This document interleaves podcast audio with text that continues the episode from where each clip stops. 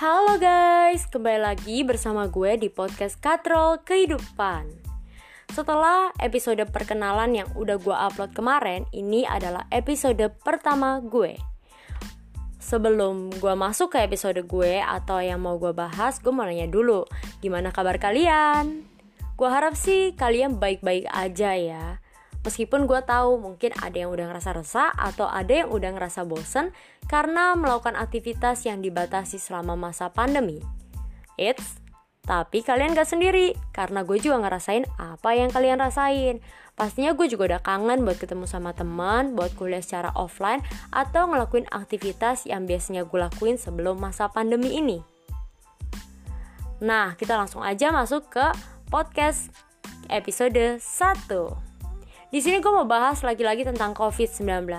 Gue tahu mungkin kalian udah bosen banget denger di mana-mana di media sosial mana pun tentang COVID-19 lagi, COVID-19 lagi gitu kan.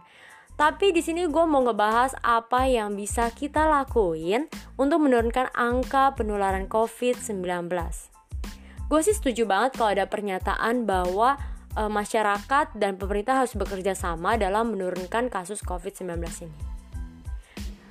Menurut artikel yang gue baca kemarin, juru bicara penanganan COVID-19 yang sebelumnya itu adalah Bapak Ahmad Yuryanto, beliau mengatakan bahwa ada beberapa hal yang menjadi penyebab angka COVID-19 masih tinggi, utamanya di Jakarta. Salah satunya yaitu adalah ketidakpatuhan masyarakat dalam memakai masker. Kalau berdasarkan pandangan mata gue nih, sama gue tinggal di Jakarta, sebenarnya bukan masalah nggak patuh juga sih, banyak orang yang udah pakai masker sih di Jakarta, tapi masalahnya adalah pakai maskernya itu baik dan benar atau enggak. Nah, untuk meningkatkan efektif dalam menurunkan angka penularan COVID-19, maka pakai masker itu harus secara baik dan benar.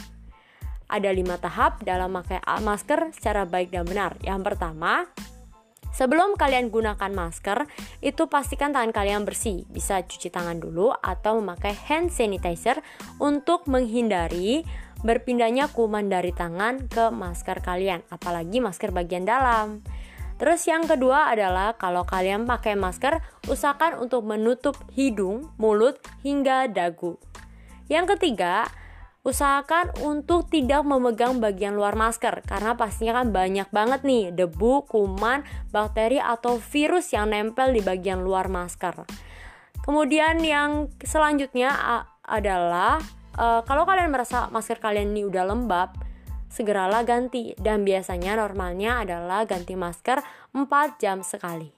Yang terakhir, ini terakhir tapi penting banget kalian suka menyepelekan hal ini setelah dipakai, masker masker yang kalian pakai itu dicuci. Ini untuk masker kain ya.